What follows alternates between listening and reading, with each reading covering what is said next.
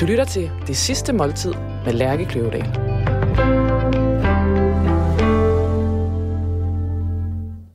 Velkommen til Det Sidste Måltid. Jeg hedder Lærke Kløvedal, og jeg er journalist og madanmelder på Politiken. Hver uge inviterer jeg en gæst til at spise deres sidste måltid sammen med mig. Gæsten har valgt en forret, en hovedret og en dessert, som udgør gæstens drøm om det sidste måltid. Undervejs i programmet læser jeg gæstens nekrolog op. På den måde får vi forhåbentlig i fællesskab fundet frem til gæstens eftermiddag. Ugens gæst er skuespiller, madmand og bagedyst vært Tim Vladimir. Tim Vladimir har valgt en menu, hvor vi til forret skal have kaviar, øh, vi skal drikke champagne, og til hovedret skal vi spise smørbrød med sild, røget ål og friteret camembert, og til dessert Tims mors rabarber crumble. Velkommen til Tim Vladimirs sidste måltid. tak. Du bliver ikke glad, når du tænker på maden, eller Ja, jeg synes, ja, ja, men jeg synes også bare, det lyder, det, altså, du ved, det er jo, jeg har mega svært ved at vælge, hvad, altså, jeg kunne have valgt så mange forskellige ting, ikke? Så, så, øh, så jeg sidder og bliver glad over det, men jeg sidder også og tænker alle de fravalg, jeg har taget ved det, som jeg tænker, det kunne også have været fedt. Ja, det gør ondt på dig. Ja, det gør Ja. ja. virkelig ondt på mig at, at vælge. Det er derfor, det er, så, det er nærmest traumatisk at spise på en restaurant, fordi jeg har lyst til at spise det hele. Ikke? Du, du kan simpelthen ikke, øh, og du kan ikke vælge på et kort? Nej, fordi jeg synes, det hele lyder spændende. Ikke? Så det, Ja. hvis jeg er ude at spise med min kone, så tager vi altid forskellige retter, og så sidder vi bare Ja. og spiser af hinandens. Ikke? Så får man ligesom lidt mere, Lidt mere af det hele. lidt mere af det hele. Ja. Okay. Jamen, vi, vi starter lige med det allerførste. Kaviar. Der er lidt uh, belgisk uh, kaviar. En uh, gastroonica. Jeg ved godt, du ønsker rosini, men Prøv det, høre, det, det blev den her. Ja, ja, det er så fint. Det er så fint, det der. Perfekt. Og i bedste corona-stil får I lov at dele den her, men der er lige til. det er godt. Fedt. Og du har jo simpelthen specifikt bedt om, at vi skal have kaviar uden noget. Ja, Du, skal, der, er ikke noget, der er ikke noget løg, eller noget blinis, noget fraiche, noget som helst. ikke noget. Jeg synes, det er en uskik at, at putte ting på kaviar. Kaviar er i, i, i, ret perfekt. Ja. Og, og jeg, jeg har spist kaviar rigt, på rigtig mange restauranter. Der er, på fine restauranter der er altid en kaviar-servering. Og med al respekt for de her restauranter, så føler jeg aldrig, at jeg har fået en kaviarret, hvor at det, de har tilført kaviaren, har gjort kaviaren bedre. Nej. Simpelthen ikke. Jeg synes, det har været okay, det har været fint, og det har måske ikke gjort det værre, men det har i hvert fald ikke gjort det bedre. Nu starter vi øh, helt, øh, hvad hedder det, ugæstfrit, eller hvad hedder det? Nu starter jeg med at tale lidt selv, fordi ja. Så får du resten af dåsen. Okay. Jamen, du Fordi skal tage at, en. øh, at, øh, at, at den skal du jo have for dig selv. Du skal Nå, jo ja, sidde ja, her jo, jo, og... vi, øh, vi deler. Ja, ja, men... Øh, og, og, det, og, og hvad, hvordan skal vi beskrive den her? Hvor, hvor mange gram er der her, Tim? Det ved jeg sgu ikke. Hvad der er der? 15... Jeg ved, ja, det, det ved jeg ikke. Det er sådan mærkeligt... Får du? Der må der stå et eller andet sted på dåsen. 30 gram. 30 Wow. gram Ja. kaviar. Dejlig kaviar. Jeg glæder mig til at smage det. Og øh, ja, lad os... Øh, altså, det er sådan nogle... Hvad skal jeg sige? De her, det, de er ikke sådan knaldsorte. De er mere... Øh, De er sådan... de grålige, ikke? Ja, koksgrå-agtige typer. Mm. Men man bliver jo bare glad. Jamen, altså, det lige er jo i bøtten. Jeg får gå- gåsehud af det lige med det samme. instant. Ja. ja. Ja. Alle de der små bobler, der popper ind i munden, og den der mærkelige jordsmag, som kaviar Ja. jo har, som jeg elsker. Hvornår øh, gik det op for dig, at du, at du var madinteresseret? Øhm, jeg tror, det er gået op for mig sent, hvor længe jeg har været madinteresseret, hvis jeg skal se. Jeg tror, det er sådan først er gået op for mig se, sent i livet, hvor madinteresseret jeg har været, mm. fordi jeg egentlig tror, jeg har taget det som en noget, man bare var. Mm. Jeg har været i køkkenet fra, jeg var måske 8-10 år gammel, øh, har jeg stået og lavet mad sammen med min mor, kan jeg huske. Og jeg kan huske, at jeg synes, det var mega fedt at stå og lave mad.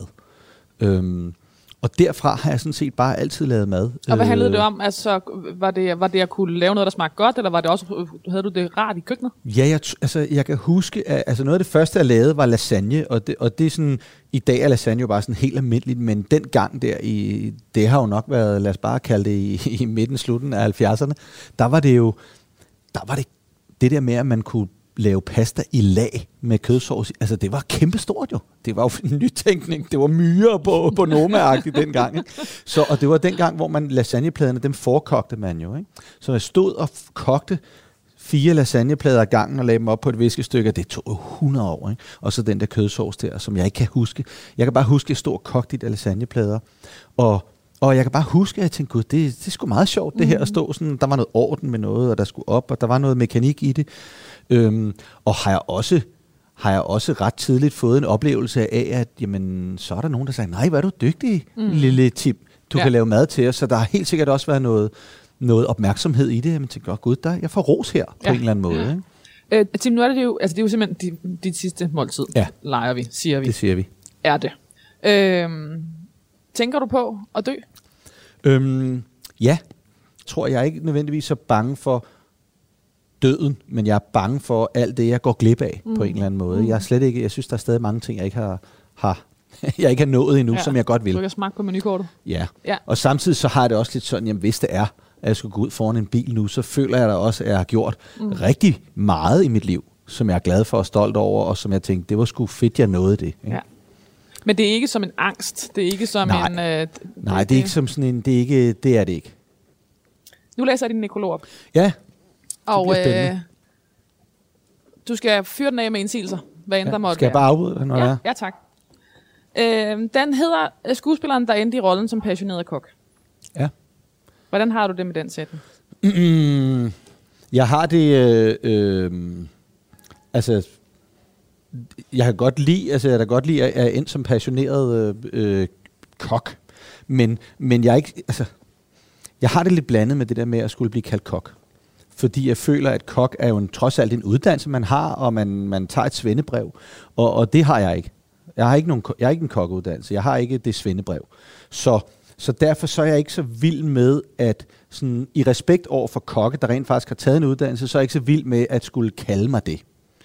Øh, Men, af respekt. Ja, ud af Ja, sådan, jeg ja. har det lidt sådan, men det, Ja. ja. det, det, jeg føler ikke, at jeg skal have gjort mig fortjent til den til, fordi det er der nogle andre, der, der har taget en uddannelse. Når det er sagt, så er jeg også helt med på, at det er jo på mange måder bare den nemmeste måde lige at beskrive lidt i overordnet træk, hvad jeg går og laver. Men faktisk så laver jeg, altså en kok står og laver mad og opfinder, altså det gør jeg ikke særlig meget. Jeg har en madskole, og jeg laver mad sammen med folk, og jeg laver også masser af opskrifter, og jeg laver også mad indimellem. Men det er jo ikke super meget kokkearbejde, sådan reelt, jeg laver. Så, så jeg er med på, at det er den nemme, og, og det er den, hvor man ligesom forstår, når han laver noget med mad, så er ordet kok meget nærliggende. Og jeg ved ikke, hvad fanden, hvad skulle man, det lyder sådan svært at sige madiværksætter, eller madglad, eller madnørd, mm. eller foodie. Alle de der ord hader jeg på en eller anden måde, endnu mere end kok. Ja, fordi mange af dem er i hvert fald ikke specielt hands-on i forhold Nej. til, hvad du trods alt... Altså jeg mener, hvis man følger dig på Instagram, som rigtig Ja. mange mennesker gør, Ja.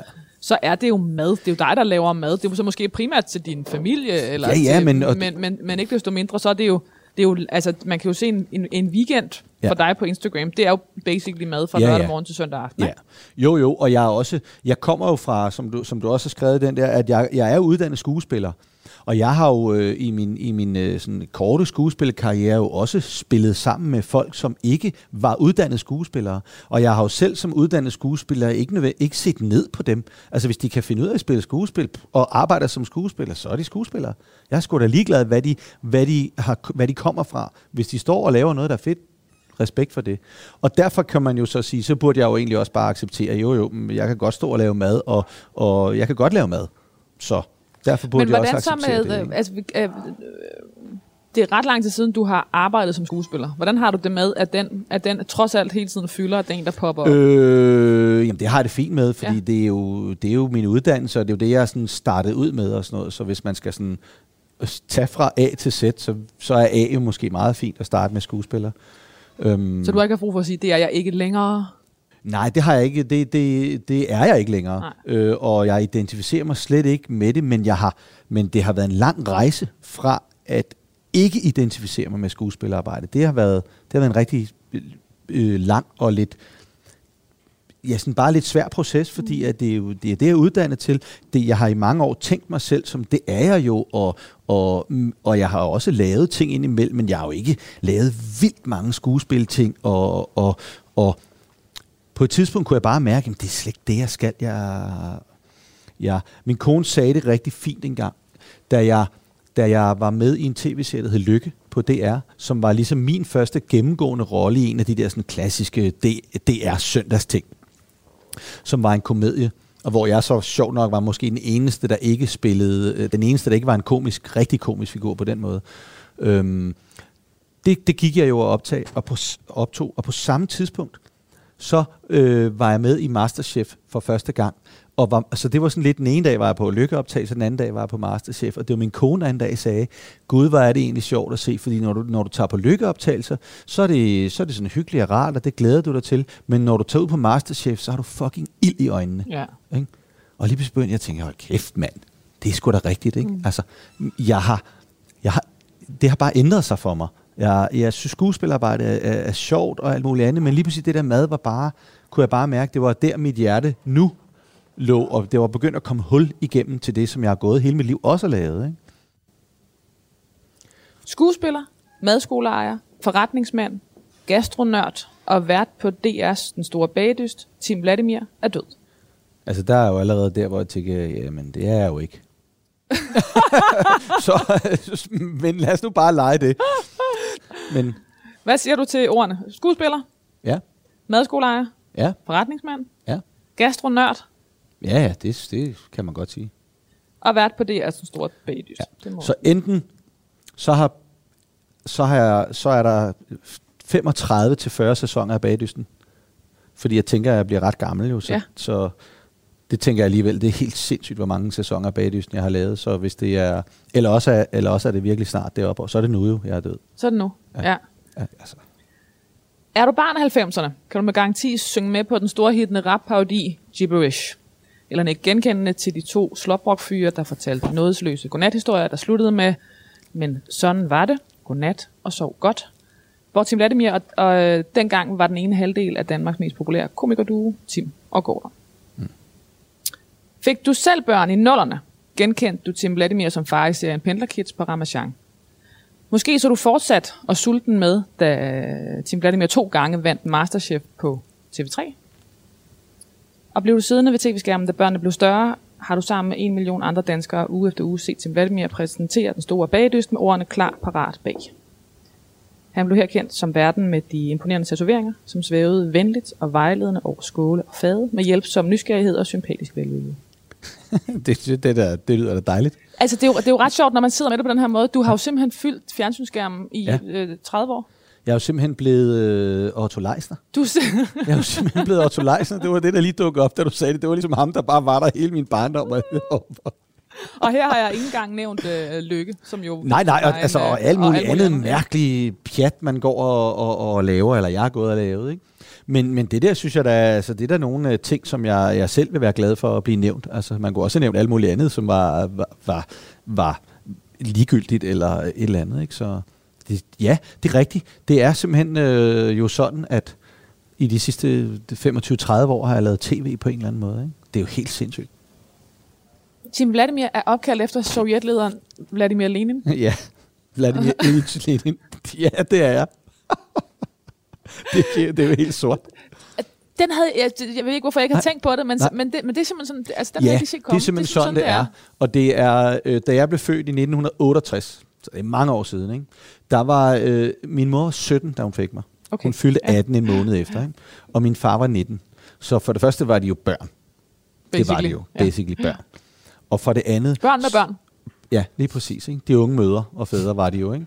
Øh, og så var der det med, at, at på det tidspunkt, der var der bare sådan lidt, kommunisme var lidt sådan, du ved, det var lidt øh, det smart i visse kredse. Øh, der var ikke nogen af dem, der var sådan øh, øh, medlem af partiet eller noget. Og min mor har sådan taget rejsen, tror jeg, fra den sådan lidt mere ydre venstrefløj og sådan stille og rolig ind mod midten og er blevet sådan malig øh, socialdemokrat-agtig nu, tror jeg. Øh, wow, hvor ser det godt ud. Åh. Nu kommer der mad. Oh, Jamen, vi fortsætter lige med lidt mere mad. Ja, tak. Der er lidt øh, røget ål med røræg. Så der er to slags sild. En øh, sennepsild og en øh, kryddersild. Og øh, kammerbær med. Wow. Yes, godt. man. Jeg kommer lige med noget bestik til den her. Ej, Og din egen øl. Og min egen øl, ja, tak for det. Ej, jeg ved ikke, hvor vi skal... Okay, vi skal helt klart tilbage til, øh, til Vladimir lige om lidt. Men lad os Ja, ja, prøve lige forklare lige.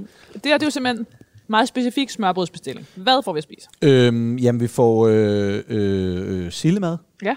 og, øh, og det er sådan ligesom bare en, en det er jo bare, det er ligesom smørbrød, der, der starter man bare med sild på en eller anden måde. Det føler jeg, man, man skal gøre, ja. Og, og det var sådan noget, som barn var det jo virkelig ikke, jeg har spist, grund til at jeg godt kan lide smørbrød er også fordi, at min mormor, hun er jo sådan en rigtig smørbrødsgeneration, og hver år, når hun havde fødselsdag, så inviterede hun alle ud på en smørbrødsrestaurant. Og det var ligesom der, hvor jeg fik sådan fin smørbrød. Så, og det højt der, belagt. Højt belagt, lige mm-hmm. præcis. Ikke? Der var man ude at spise med kniv og gaffel, og det var, du ved, det var inde på Sovnfri, vi var tit. Det var hendes yndlingssted. Ikke? Øh, og, og, og sild, det var bare noget, jeg først lærte at spise, da jeg var ældre, men det er jeg begyndt at virkelig øh, elske, så det føler jeg, at man skal starte med. Røget ål er simpelthen en, en klassiker i vores familie. Vi, min, min søster og jeg elsker røget ål, og vi, kan, vi har jo hver år til påske, der spiser vi øh, den helt store påske med det. Hele min familie samles op i min forældres sommerhus, som ligger 200 meter fra vandet. Øh, og, øh, og så spiser vi det der helt kæmpe store, 15-20 retter, der bare står på bordet og sidder ved at drikke øl og snaps og spiser. Hvor alle har medbragt noget? Eller? Øh, øh, traditionelt set har min mor lavet øh, stort ja. set maden alle årene. Ja. Nu er det sådan, at nu er jeg begyndt at, at lave de der ting, som måske tager lidt længere tid, gravet, øh, alle mulige mærkelige ting, som jeg selv laver, og så laver hun noget, og, og der er bare nogle ting, der skal på bordet. Og i, lad os kalde det gamle dage, der kunne man altid købe ål på vej op mod Sjællands Øje. Der stod der altid en eller anden på en, på en, på en resteplads et eller andet sted, og skulle mm. købe ål. Vi har altid spist ål. Nu er det umuligt nærmest at opdrive, og det er også lidt, der er lidt lidt politisk ukorrekthed ved det. Øh, så derfor så, øh, så, så skal man ikke spise meget af det. Og der vil helt klart være nogen, der mener, at man slet ikke skal spise det. Altså, vi er vi... Okay, ja. Og, og øh, jamen det, jeg kan huske det, fordi jeg skulle lave et, jeg lavede et DR juleprogram i år, hvor jeg ville lave ål. Og, øh, og så var der jo simpelthen tilrettelægger, der gik fuldstændig i detaljer med det, var, og det blev besluttet simpelthen det skal vi ikke gøre på tv, fordi vi vil ikke være politisk ukorrekte. Så, så derfor ved jeg, at det er lidt politisk ukorrekt. Men på et sidste måltid? Men på et sidste måltid, der har ja. det lidt sådan, det var bare ærgerligt. Det var... Jeg er død. I kan brokke jer bagefter. Ålen forsvandt med dig. Jeg kommer ikke til at mærke alt det politisk ukorrekte. Ingen af shitstorm, der ja, kommer til at lande. Jamen, det er bare, jeg elsker det. Det smager sindssygt godt, ikke? Og det, det, så det er bare sådan en, en familietradition, der skal være ål på bordet, ikke? Og så kan man bære frit, bare lige for at tage den hurtigt. Det var jo bare fordi, det var sådan noget, som jeg som jeg kan huske, jeg fik som barn, og det er jo sådan super mærkeligt barnligt. Det er jo en vild mærkelig ting at fritere en ost og spise med solbærsyltetøj på, men jeg kan bare huske... Altså der det står simpelthen en, en, en lærskål med en... Øh, en øh, hvad skal det er jo en hel camembert. Ja, præcis. Før altså, i tiden fik man sådan en trekant jo, ikke? På, på et stykke ved siden, og så var der solbærsyltetøj til. Men her har vi fået en hel camembert. Vi har fået en hel camembert, og det er jo bare... Altså, altså den er stor. Den er kæmpe, det er jo en ja. helt kæmpe stor camembert. Den er, det er jo sådan en, du kan have i din i kæmpe hånd, ikke? I, i, en, i en næve, ja. ja. Øh, så, øh, og så har du taget din egen øl med?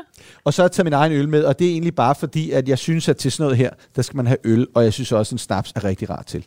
Det hænger sammen. Det er rigtigt. Øhm, men, men, øh, øh, men jeg synes egentlig også bare, at nu når jeg har mit eget bryggeri, så synes jeg bare, at det, så er det, synes det var mærkeligt ja, at drikke den til mit sidste måltid. Hvorfor har du åbnet et øh, bryggeri? Altså den, den, åh, den der lyd, ikke? der er også et eller andet over den.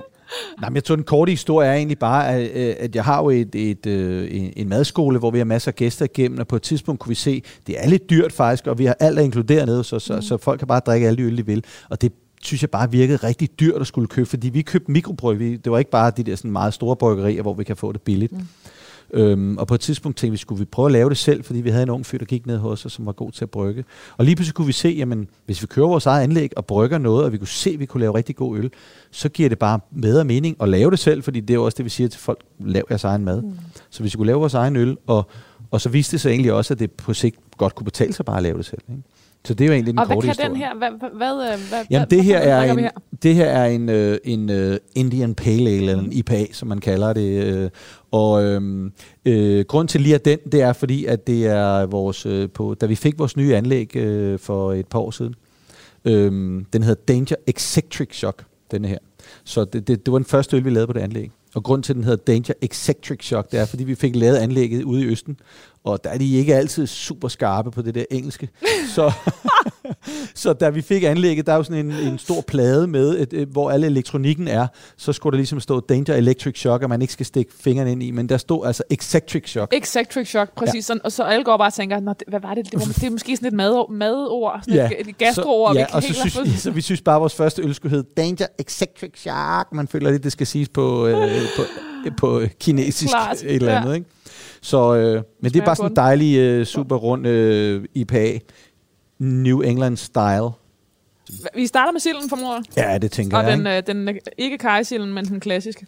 Ja, lad os prøve den. Det er jo nok sådan en, hvad skal vi kalde det, marineret sild. Og det ser dejligt ud rugbrød også. Hvad, hvad bemærker du med det? Jamen, jeg bemærker bare, at det er sådan tykt og godt og ser ud som, mm. det er øh, skåret. Øh, at det ikke nødvendigvis er sådan noget, du ved, der er købt i en pose. Mm. Det er jo meget dansk, det her. Det er meget dansk. Og ved du, hvad der er under den her? Mm. Det er fedt derunder. Mm. Hvor er det godt. Mm. Det er jo heller ikke noget, jeg har specificeret ud, men det er jeg rigtig glad for. Jeg elsker fedt.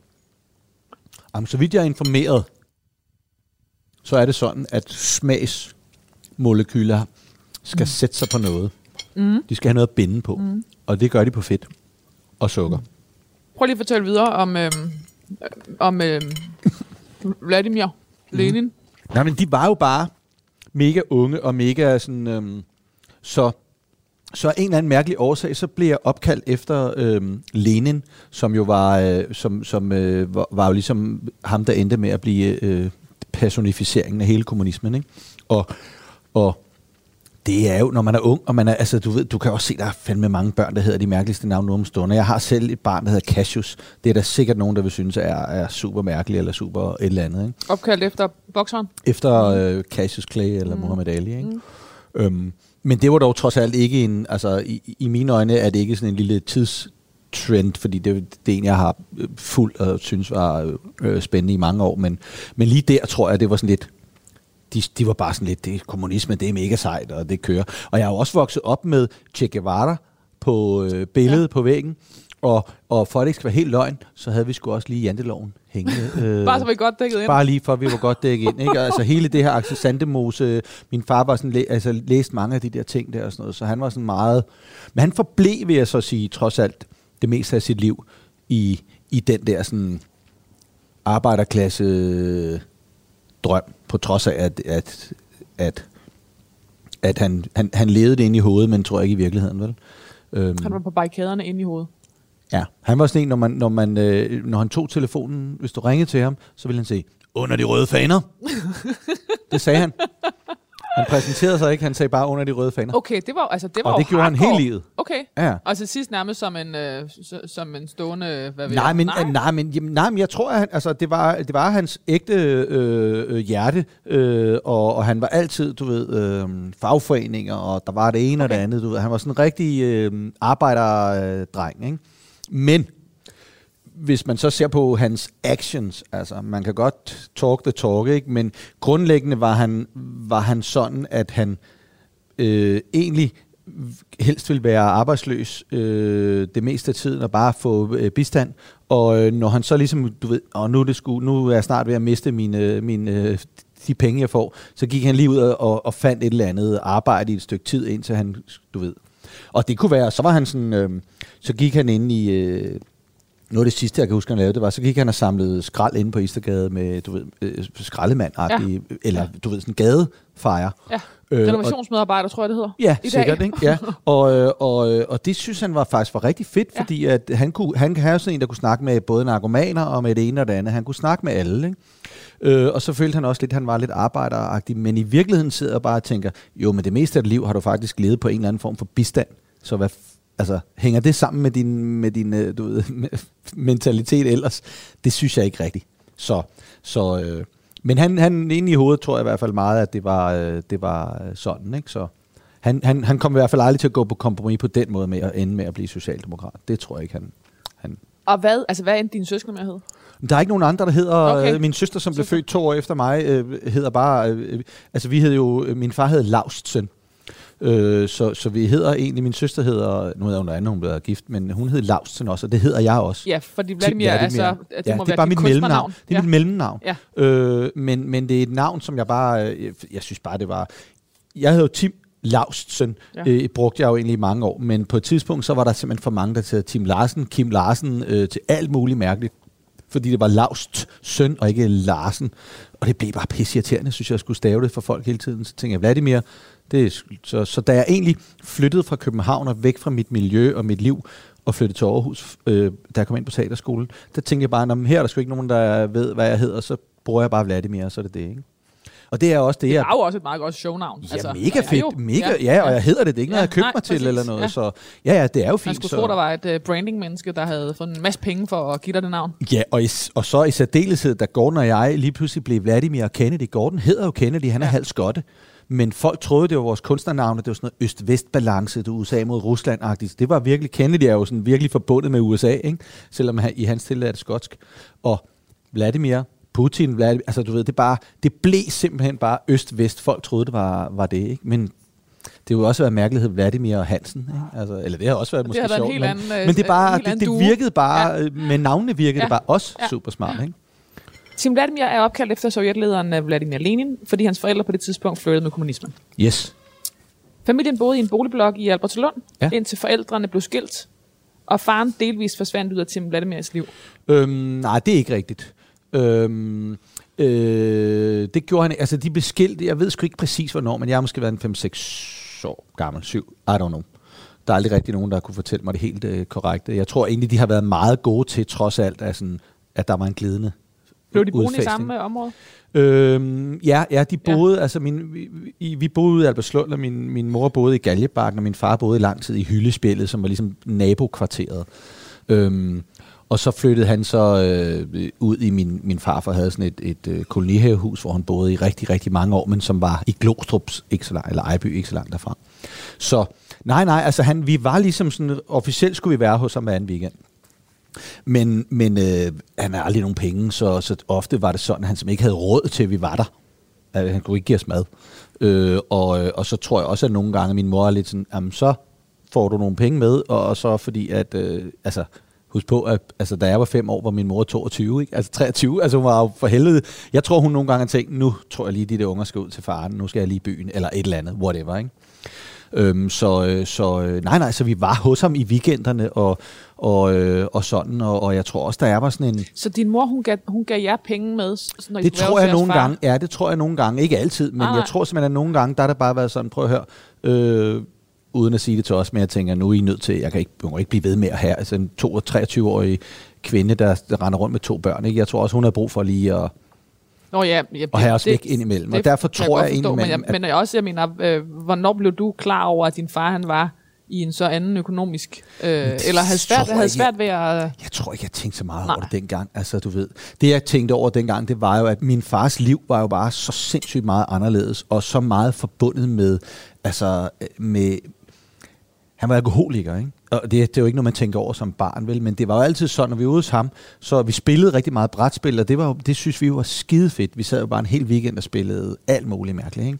Det var jo mega fedt, men, men, øh, men det var altid, han sad altid og drak og røg fede øh, hen over hovedet på os, ikke? Mm. Øh, og så var vi, og vi fik jo altid bare masser af sodavand. Han var, der var ikke noget, der på den måde manglede, vel? Men, men man kan så sige, var det måske skulle vi bare sidde og drikke sodavand og spille brætspil en hel weekend. Men det gjorde vi, mm. når vi var hos ham.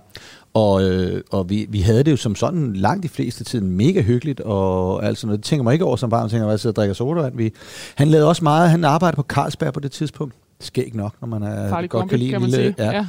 Øhm, og, og lavede revy der, sådan en medarbejderrevy Okay. på Carlsberg. Han var rigtig god til at skrive revytekster og, og sådan noget, ikke?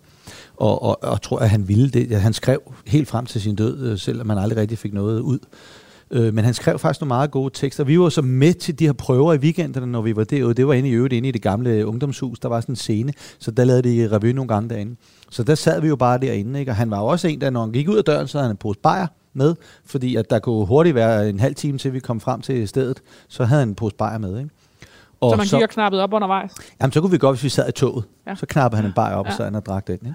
Og, og så var det jo også tit, at hvis, du ved, sådan, jeg kan godt huske i, i, i weekend, så skulle han lige op og, og købe lidt ind, og så gik han lige ind på et værtshus, og så kunne vi sagtens ende der. Så kunne vi godt bare sidde der resten af dagen. Så han og faldt i snak og sådan noget. Vi sad bare der og drak sodavand, ikke? Hvordan var det? Jeg tror ikke, det har været særlig fedt. Det har været mega kedeligt og alt muligt andet, men jeg kan også huske mange gange, hvor vi for eksempel efter de der prøver, så har der været druk i den, og så har jeg været i situationer, hvor jeg simpelthen, min far er blevet smidt ud af værtshuset, fordi han jo, så skulle han råbe og skrige. Ikke? Og så har jeg ligesom været den, der skulle passe på både ham og få ham ind i en taxa og hjem, og min søster også, som jo Lillesøster. var lille søster. Ikke?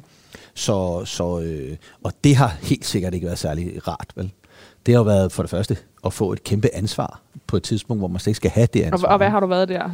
Det kan være, hvad ved jeg, 12, Ja. ja.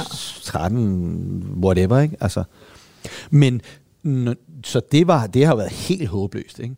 Men der har også været, og det var også helt håbløst, men det var også igen, da jeg så var en 14, 15, 16, der hvor man begynder at gå i byen og drikke masser af bajer og sådan noget, så var det jo, så var det jo super fedt, at jeg kunne sidde med alle mine venner over hos min far, og der kunne vi bare sidde og høvle bajer ned, fordi det var ligesom et fristed, og mm. så var min far lige pludselig den seje, ikke?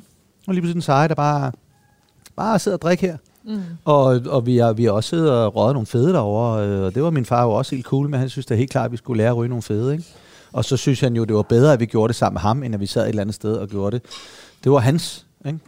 Ja, det synes jeg var mega fedt, fordi du ved, det, det gav mig en vis status, ikke, at have en sej far. Men altså, når jeg, når jeg nu som selv som far tænker, tænker jeg, what the fuck har du tænkt på, menneske, ikke?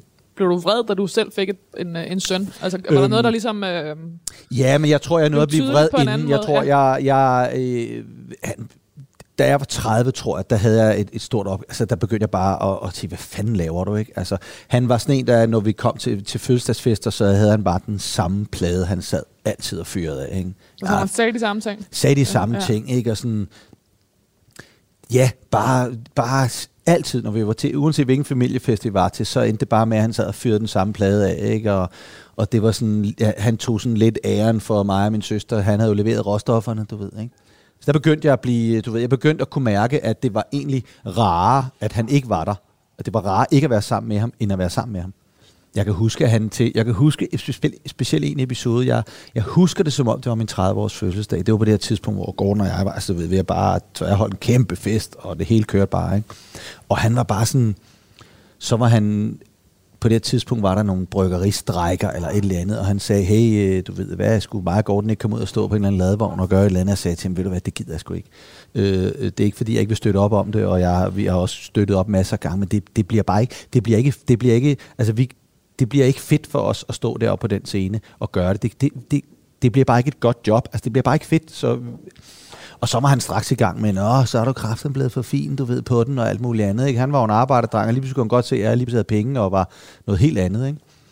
Og, øh, og altså, så der kan jeg bare huske, at jeg sådan på et tidspunkt smed ham ud og smed ham ud i en taxa. Og der kan jeg bare huske, at jeg stod på det der vej og tænker, nu, nu, skal jeg ikke, altså nu skal han ikke være med til de her fester længere, fordi det, jeg bliver pisket af det. Mm. Så jeg vil hellere ikke se ham.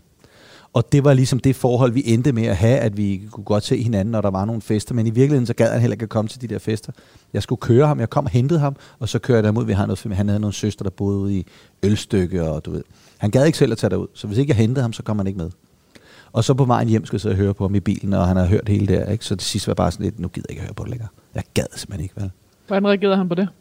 Jamen, der var ikke, han, han kunne ikke finde noget at sige undskyld. Altså, han kunne simpelthen ikke, øh, der var en episode engang for mange år siden, hvor han, mens jeg kiggede på teaterskolen, så skulle jeg mit første år, der var vores, ligesom, det var en afgangsforestilling, men den der forestilling, nu skulle vi vise, at vi skulle fandme lave en, en, en uh, Strandberg-forestilling. Uh, et dukkehjem, ikke? Altså, du ved, det er sådan klassiker. rimelig en klassiker, ja. du ved, ikke? Og så havde jeg inviteret ham over, og vi var så til prøver, det var så, så han skulle sådan bare ligesom komme hjem i lejligheden til min daværende kæreste og, og så skulle de ligesom komme ind. Ikke? Og jeg, jeg kan huske, vi sad på scenen øh, i, i starten, mens publikum kom ind, så sad vi og, og var på scenen. Og jeg kunne bare se, okay, han er der ikke, vel? Altså, så tænkte jeg, hvad fanden er der sket, ikke? Og så, så ligger det i baghovedet, mens man, ikke? Og så er det så vist sig, at for det første var han skidefuld. For det andet, så var han gået ind på, altså vi spillede jo over i elev scenen han var så gået ind midt på store scene på Aarhus Teater, ligesom i, i, på hovedscenen der, og tænkt, det er der. Det må være der i verdens ja. største kæffer. I øvrigt alt for sent, så du ved, og, og der er nogle vagter, der siger, det er ikke her, du ved, det er slet ikke, det, du er gået helt galt. Ikke? Og så har han selvfølgelig lavet en kæmpe scene der, og blevet rykket ud, smidt ud. Og så var han, så var de gået på værtshus sammen med hans kæreste der, øh, og så var de så kommet hjem sent, og, og, og der var ikke nogen hjemme, og så er de sådan smadret døren for at komme ind og, og alt sådan noget. Og det var så, jeg, det var så min, min øh, kæreste, der var hjemme på det tidspunkt, og var sådan, var vildt, hvad fanden foregår der, ikke? Og efter det, der havde jeg det bare lidt, så jeg bare til, nu skal du fucking give noget. Hvad fanden jeg var virkelig sur på ham. Og han kunne ikke, han kunne ikke undskylde. Altså, han kunne ikke sige, du ved, nå, nå, nå, så er man blevet sur. Altså, det, det var også et af de steder, hvor jeg bare tænkte, hvad fanden foregår der? Kan, ikke, altså, kan du ikke engang bare sige, kan du ikke høre, at din søn er vildt ked af det, vildt skuffet over din optræden? Kan du ikke selv se, at det er lige nu, der skal du bare sige, det er jeg fandme ked af. Og det kunne han ikke, vel? Og det er sådan noget ting, som det, det sætter sig i mig. Jeg er sgu meget sådan, jeg, er sådan, jeg har en, en meget høj retfærdighedssats, kan man sige. Ikke? Og det kunne jeg bare mærke, det er ikke i orden, det der. Ikke? Så derfra blev det bare, der blev det lidt sådan, du ved. Og, og jeg kan sige, efter hans død har jeg tænkt meget sådan, ej, det var før også. Jeg, jeg har hele tiden tænkt, eller på et tidspunkt var jeg virkelig, virkelig vred over, på ham, og sur, og synes bare, han var latterlig. Og fyldte det meget i dit øh, Ja, det liv? gjorde det i en periode, gjorde det, ikke? Altså, men det hjalp selvfølgelig ikke at se ham. Det er jo også en måde rigtig mandeagtig, ikke? Og øh, ude af øje, ude af sind. Men jeg synes egentlig, jeg tænkte meget over det, og jeg tror egentlig også, at jeg, jeg nåede faktisk øh, øh, til et godt sted med det, fordi jeg tænkte, jeg tror, alle mennesker gør deres bedste. Det tror jeg faktisk. Det er ikke alle menneskers bedste, der er godt nok. Men han, han gjorde sit bedste. Han var fucking 19 år gammel og alkoholiker og kunne simpelthen ikke magte at have en familie. Det kunne han ikke. Han kunne heller ikke magte at sige fra det. Han kunne ikke magte særlig meget. Så jeg tror, han har gjort det bedste, han kunne, og jeg har masser af gode minder øh, fra barndom. Han har aldrig hverken slået os eller gjort alle de der, men du ved, det, er jo, det giver jo også noget at trække folk med på værtshus og blive smidt hjem og alt sådan noget. Det har ikke været super smart, vel? Men jeg har masser af gode, og jeg tror egentlig, han har bare gjort, hvad han kunne, og han magtede ikke at have familie. Han er simpelthen bare blevet far alt for tidligt og sådan noget. Så på den måde vil jeg sige, jamen, han gjorde, hvad han kunne, og øh, der var, øh, han gjorde ikke for noget for at være ond, men det var bare ikke godt nok. Og jeg kan godt mærke, at efter jeg er blevet far, der kan jeg jo, der jeg jo virkelig kunne begynde at se, hvor sindssygt det var. Fordi jeg tænker, kunne jeg finde på noget af det her over for min søn? Nej, slet ikke, vel? Altså, Det bliver ret sådan visuelt tydeligt, ikke? Man står Ja. med de der børn i den alder, man selv et Ja. eller andet. Ja. Og hvor det bliver, det bliver så konkret. Ja, virkelig. Det bliver meget konkret. Og jeg stod også, han, øh, han døde for et par år siden, øh, og var øh, angiveligt, øh, der var en eller anden ven, der over til ham, øh, og, og kunne ikke komme ind, og så, så lå han bare og var sådan i, i en eller anden form for koma på gulvet, og det viste sig så, at han havde sådan ikke været uden for en dør et halvt år, eller sådan noget. han har bare været syg. Men, øh, men øh, øh, så han lå, og han røg på hospitalet og, og lå i respirator. Øh, jeg var ude at rejse, så jeg kom hjem, så, så tog jeg det ud med min, min søster og spurgte, om jeg ville tage med derud. Jeg var sådan lidt, I var færdige med at se hinanden der, eller hvad? Altså, du har ikke set ja, ham i lang ja, tid. nej, jeg har ikke set ham i, i nogle år. Øh, han skrev lidt sådan ind imellem. Altså, han har set min søn, øh, på det, på de, han har set ham tre gange, eller sådan noget, tror jeg, i de 7-8 år, øh, han havde levet min søn, så det var ikke meget. Vel? Øhm, så, øh, så jeg kan bare huske det der med at komme, og så, og så tænker jeg, "Jamen, jeg vil godt tage ud og lige se ham, bare for at se, hvad, hvad føler jeg. Og jeg stod der, for det første er det super mærkeligt at se mennesker i en respirator, fordi det er faktisk en, en utrolig grov maskine. Det er jo ikke sådan en... Det er sådan en Altså, det er virkelig, det er virkelig mærkeligt, øh, og det har jeg aldrig set før. Og så var han sådan helt tynd, og altså, han havde, han havde kraft i, bare i hele kroppen, som, så han vågnede aldrig igen. Øhm, men men øh, jeg stod der, og, så, og det eneste, jeg kunne mærke, det var, at jeg tænkte, hold kæft mand, hvis jeg en dag ligger i en respirator og er ved at dø, og min søn, han står og kigger på mig, og tænker det, jeg tænker nu, så vil jeg eddermame have følt, at jeg har spildt mit liv fuldstændig. Altså, fordi jeg havde det sådan lidt, jeg stod og kiggede på mig og tænkte, hmm, det var det. Jeg havde simpelthen ikke nogen, øh, og jeg har efterfølgende, du ved, min kone er jo god til at holde mig lidt op på, at nu skal jeg også huske at mærke og alt muligt. Men jeg har virkelig prøvet at mærke, og jeg føler lidt, jamen jeg har været, jeg var færdig med ham for mange år siden, og så har jeg sgu mødtes selvfølgelig, og vi har måske snakket lidt ind imellem, men, men det der med at være færdig med ham, det, det er sket for mange år siden. Så jeg havde det lidt sådan, ja, Mm. og jeg havde det også sådan, nu var jeg på optagelser på Bagedysten, da, da, da han døde, så jeg havde det sådan lidt, at jamen, hvis han bliver begravet en dag, hvor jeg er hjemme, så kommer jeg til begravelsen. Men hvis jeg er på optagelser, så kommer jeg ikke til at, at, at udskyde de optagelser øh, på grund af det. Mm. Øh, det var sådan, jeg havde det. Og det var, fra et, det var fra et roligt sted, du kunne mærke ja, den beslutning. Det var, ja, ja. Det var Ja. sådan lidt, jeg siger, men jeg, det er ikke fordi, jeg ikke vil komme til begravelsen, men jeg gider ikke at aflyse noget øh, øh, for det. Oh, altså, hvis jeg har haft et formiddagsmøde den dag, så har jeg nok gjort det, ikke? Men altså, du ved, hvordan det er med en Mm. kæmpe produktion og sådan noget. Der var ikke nogen, der ikke ville have sagt, det er okay at tage. Hvem, hvem tog sig af begravelsen? Det gjorde hans, øh, han havde en øh, kæreste på Okay. det tidspunkt, der arrangerede begravelsen. Ikke? Øh, jeg havde ikke noget med det at gøre overhovedet. Og havde ikke, altså, jeg, jeg, tænkte, altså, jeg skal ikke have noget med begravelsen at gøre. Jeg kommer, hvis det kan lade sig gøre. Det kunne det så ikke. Så du var der ikke? Nej, jeg var der ikke. Og det har jeg det fint med. Altså, jeg så ham der, øh, og, øh, og det, det, det havde jeg det fint med. Så, så det er jo sådan... Jeg har også tit tænkt over, at det er mærkeligt, at jeg ikke, ikke har sådan flere følelser omkring det. Men det har jeg. Altså, det, Tænkte du på det på dagen, da han blev begravet? Hvor du, lavede, hvor du var på job? Ja, ja, det Ja. gjorde jeg. Jeg tænkte, jeg kan godt huske, at jeg gik rundt på bagdysten der og tænkte, nå, det, og jeg tænkte også det der med, gud, er det egentlig mærkeligt, at nu bliver han begravet, og jeg står her, og jeg er i store træk ligeglad. Mm. Altså, det, det er, øh, det er sådan, det er mærkeligt, ikke? Og det har jeg da også selv mærkeligt over. Eller jeg tænker, hvad, hvorfor, hvorfor det, det er min far? Jeg tager dig lidt øh, videre med her. Ja. Vi, vi ramte den der, hvor den hed familien boede i en boligblok i Albertslund, indtil forældrene blev skilt. Og så sagde jeg, at faren delvist forsvandt ud af Tim Vladimirs liv. Det er for, skal vi så ikke bare at de Det blev, kan du høre, det de gjorde blev, han ikke. At de blev skilt. Ja. Punktum. det gjorde han overhovedet ikke. Moren fandt sammen med en ny mand, og de flyttede i et rækkehus på Vestegnen Ja. med et stort børnefællesskab, hvor alle kom hinanden ved. Ja. Det lyder lidt kollektivagtigt, det var det ikke. Men det var jo det var sådan nogle lange stræder, hvor man bare alle vadede ud af en af hinandens hjem. Ja. Det var meget sådan hippieagtigt på en eller anden måde. Tim Vladimir blev uddannet fra skuespillerskolen ved Aarhus Teaterskole i 1993. Her mødte han Gordon Kennedy, og de to blev til det succesfulde makkerpar Tim og Gordon. Hvad, hvad kunne I sammen, dig og, og Gordon? Jeg tror bare, vi... Øh, jeg tror, vi begge to var sådan... Altså, vi havde begge to det der... Et, et, et sådan, hvad kan man sige, et comedy-gen. Et noget, hvor vi, vi havde brug for at udtrykke os med noget sjov. Og, og på teaterskolen på det tidspunkt, jeg ved ikke, hvordan det er i dag, men der var komedie og sjov, det var sgu ikke noget, man arbejdede med overhovedet. Og på det her tidspunkt var det jo, det var jo i stand-uppens absolute første spæde barndomsdage Hvad i var Danmark. der omkring jer på det tidspunkt af stand-up? Øhm, ikke særlig meget, vil jeg sige. Det var, sådan, det var så småt begyndt at røre på sig inde på Dins på det tidspunkt, der i slutningen af Dins vores teaterskoleår. Dins i København. Ja, i København. Inde i, øh, hvad hedder Lille Kanikestræde, eller hvad det hedder det, inde øh, i København her.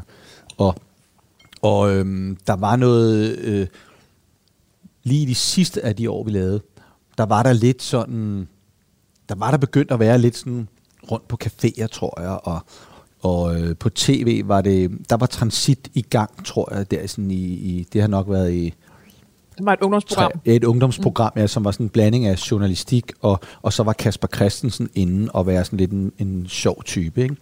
Og han var også begyndt at lave stand-up, så, så det var ligesom der, det var lige i starten. Ikke?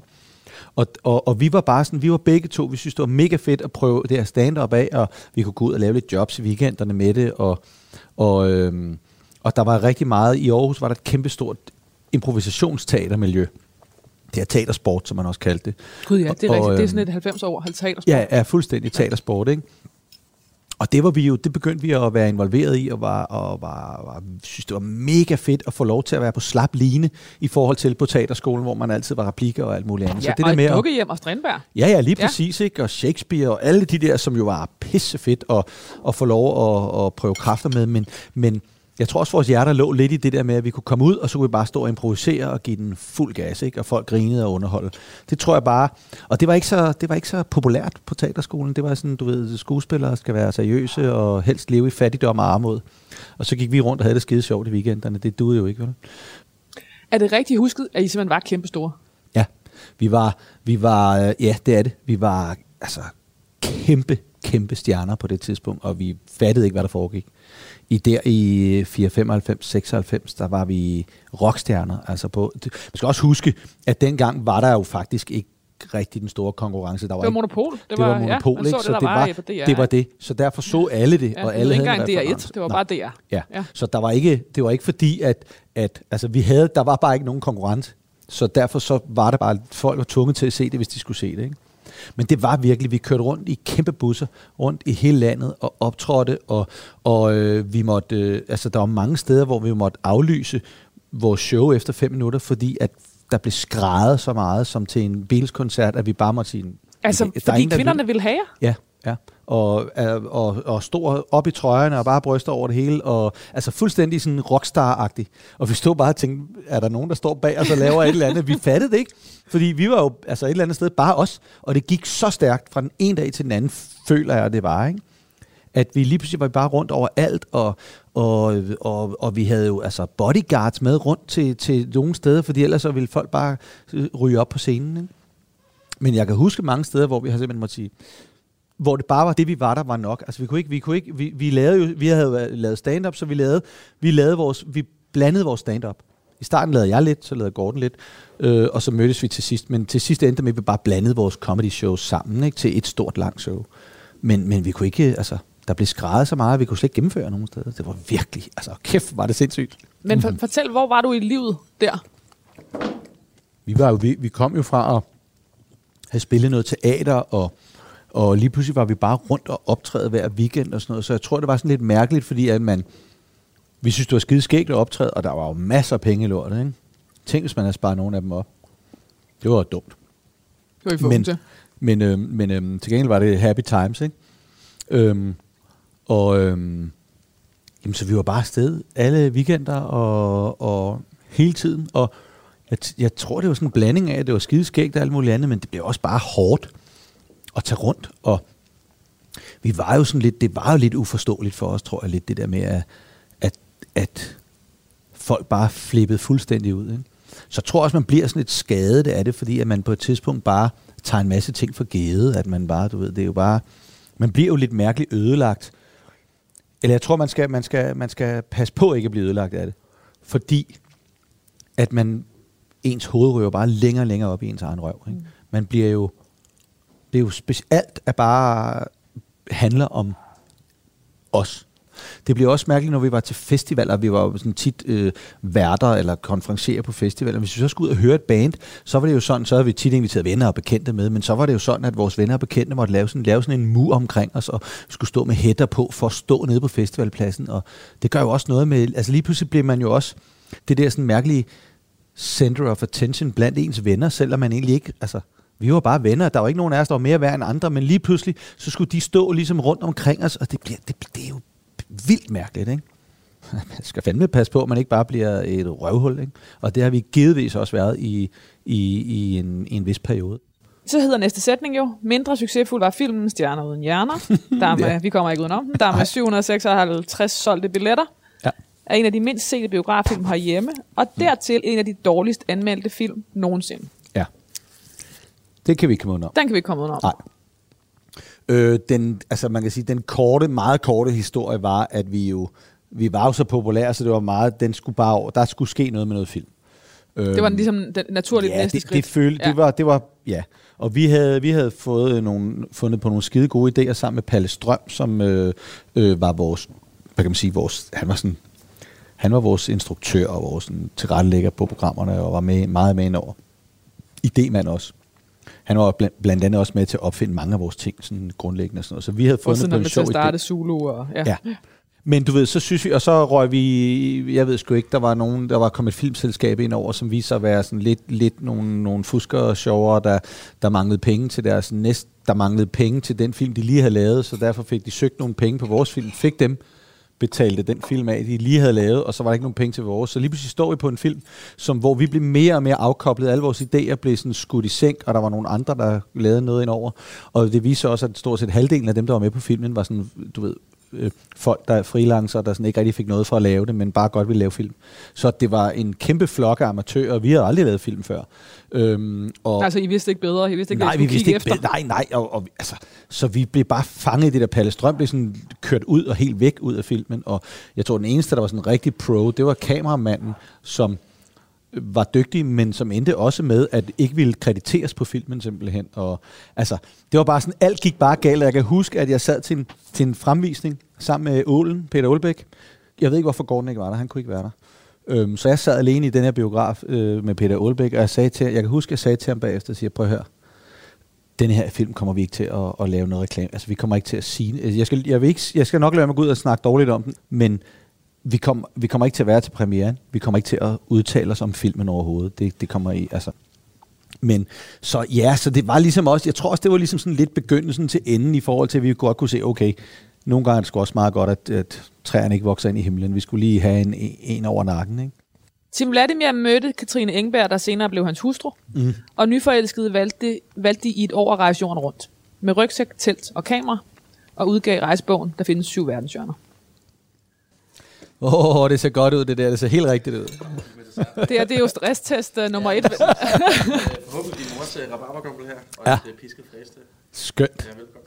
Det ser helt rigtigt ud. Det er, det er jo simpelthen så, på den ene side fuldstændig genialt, og det er jo så provokerende at bestille noget, der ligger så tæt på sit hjerte, Ja, som ja. du har gjort her. Din Lige mors præcis. rabarbercrumble. Ja, lige præcis. Men nu har han også fået opskriften jo. Det har Og- han nemlig på forhånd, kan skal huske at det, sige. Ja, det har han nemlig ikke, og det føles... Altså, jeg tror lidt, at det er også sådan en, som... Altså, jeg har jo selv lavet den mange gange, og altså, det føles lidt som om, at den er meget svær at fuck op. Og det er det gode ved min mors rabarberkrumpe. Så jeg tror simpelthen ikke, at, jeg tror faktisk ikke, at det kan, altså han har gjort, jeg tror ikke, han kan have kunne ødelægge den. Altså, Okay, let's see. Men den ser helt rigtig ud. Og det er godt. Og hvordan... Et, øh, ja, den, altså det er jo ikke, fordi den sådan i sig selv er smuk. Det må man Nej, jo... og det er, jo, det er jo også det nu. Jeg tror, der, altså jeg ved, at der er rigtig mange, der tror, at jeg er rigtig god til at bage, øh, fordi jeg er Bagemester. vært på bagedyst, ja. men jeg er virkelig dårlig til at bage, fordi jeg bager faktisk ikke særlig tit, og jeg kloger mig jo heller ikke i programmet om kring kager overhovedet, så, så det er sådan lidt en, en forkert antagelse. Og når og det er fordi, sagt, er det præcisionsarbejdet i, øh, Ja, i det, ja, konditorarbejdet, der ja, ikke det er simpelthen det, at der er for mange præcise mål. Ja. Jeg er meget mere øh, loose Ja. med, med, med ting.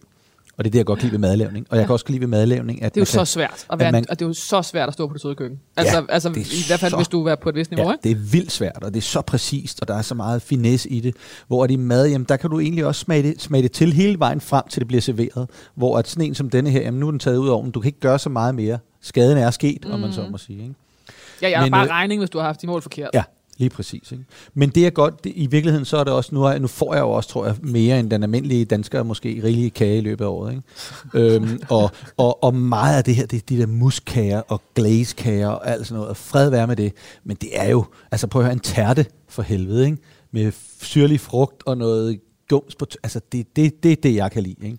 En lækker tærte, den skal ikke, den må, det, er, det er en perfekt tært for mig. Det, det ligner noget, der er løgn, og man ved bare, det smager godt.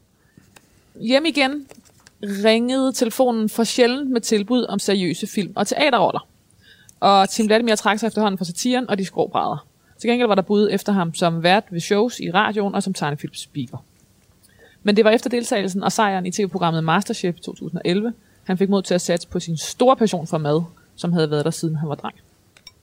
Ja. Ja. Er det en nogenlunde rigtig Ja, rækkefølge? det og en rigtig konklusion i øvrigt? Det lyder, øh, det lyder faktisk fuldstændig rigtigt. Ja. Og det var også det, der med, når man kommer hjem fra sådan en rejse, og man har været væk fra miljøet et helt år, ikke? Så, så er man jo sådan, man er jo ikke glemt, men, men du ved, Men, altså, nej, men folk tager en enormt meget på givet. Ja. Der er sådan en, Ja. nå hej, ja. That's- Men man finder ud af, at verden er gået fuldstændig videre, og øh, ingen har savnet en, og alt er, øh, alt er bare, som det plejer. Og så kommer man hjem og har, og, og det er både godt og dårligt jo, kan man sige. Ikke? Men det er også meget godt at finde ud af, at jamen, hey, hvis man ikke, altså i, nu snakker vi om død her, men jeg har faktisk, det jeg lærte også af rejsen, var også en vigtig ting, og det er, at man er, at life goes on. Mm. Og det tror jeg, man, jeg tror, vi er mange, der tænker, at jamen, vi er jo midtpunktet af, af, af livet, og hvis øh, vi dør, det, altså vi kan jo ikke tænke, hvis vi, hvis vi ikke kommer på arbejde i dag, så går det hele ned. Vi er uundværlige.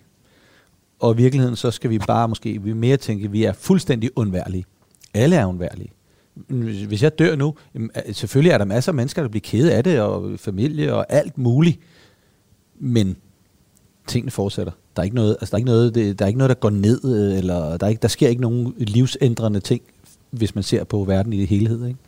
Og jeg tror bare, mange, da vi tog afsted, der var mange, der sagde, det kan jeg slet ikke, fordi mit arbejde, altså du, jeg kan ikke tage afsted, fordi hvad, hvad, hvad så med mit arbejde? Jamen hvad nu, hvis du døde? Tror du så, at hele virksomheden vil gå ned? De vil være kede af det, men de vil, der vil sidde en ny en fem dage efter. Det blev opdaget starten af Tim Vladimirs øh, køkken, en kogeskole først i Valby og senere Aarhus, hvor Tim Vladimir som iværksætter ændrede sin livsbane og måde at leve på.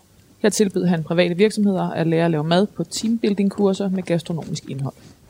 Vestegnsdrengen måtte for alvor spille rollen som forretningsdrivende med op til 100 medarbejdere i ryggen. Tim Vladimir efterlader sig sin hustru, den succesfulde forfatter Katrine Engberg, og deres søn Cassius. Æret være hans mine. Ja. Det er da... Snip, snap, snude. Det var det, Tim. Ja, Så det var du, øh, det var helt dit liv Så var i, det øh, hele mit liv i, opsummeret i... øh, Ja. Hele dit liv, liv og en rabarber crumble. Ja. Hvad skal der stå på din øh, gravsten? Det ved jeg ikke. Det, det skal jeg ikke bestemme. Jeg skal ikke bestemme, hvad der skal stå. Det må nogle andre bestemme. Den er sat fri. Den er... Øh, det er de andres problem, tror jeg. Jeg tror ikke, jeg har ikke sådan behov for at... Jeg tror ikke, jeg vil have sådan behov for at, og, hvad kan man sige, hvis jeg lå og var syg og tænkte, nu skal min begravelse, så jeg, tror jeg ikke, jeg vil være en af dem, der sådan, nu skal jeg arrangere hele min begravelse, jeg vil gerne have det her sådan og sådan. Selvfølgelig vil jeg nok have en samtale med min kone eller noget om, hvad, du ved, mm. når man nu kan spørge, men jeg er ikke sådan, jeg er sikker på, at der er nogle kontrolfreaks derude, der helst vil have, at det foregår på en helt specifik måde, men jeg er sådan lidt, det sgu jeres. Jeg er sikker på, at Katrine kender mig godt nok til, at hun ved, hvad jeg i hvert fald ikke vil have, der skal foregå. Det der med at koge ens liv ned til følg dine drømme, eller et eller andet, det bliver sådan hurtigt lidt gajol øh, stemning over det. Øhm, Det er det, du har gjort. det er det, jeg har gjort. Fuldt dine drømme. Ja, det er det. Ja, og det tror jeg, det synes jeg også, at man, øh, man skal bestræbe sig på at gøre, fordi det, så tror jeg, man, man har det bedst. Men altså, kan man sige, så kan der jo komme noget praktik ind over, og det kommer an på, hvad for nogle drømme man har. kan man sige. Få nogle drømme, der du kan realisere. Ja, ja. ja Det bliver en meget at lang, være realistisk. Om, øh, nej, og det kan også være, at der er nogen, der bare har det godt med, at ens drøm aldrig bliver opfyldt. Ja. Fordi det er, jo også, det er jo også ærgerligt, hvis man siger, så, der er noget af det. Hvad skal jeg så gøre nu? Ikke? Det var det. Ja. Det var det, ikke? Tim Latimer, tak fordi du vil være min gæst i det sidste måltid. Det har været en fornøjelse. Spil levende. Spil levende stadigvæk.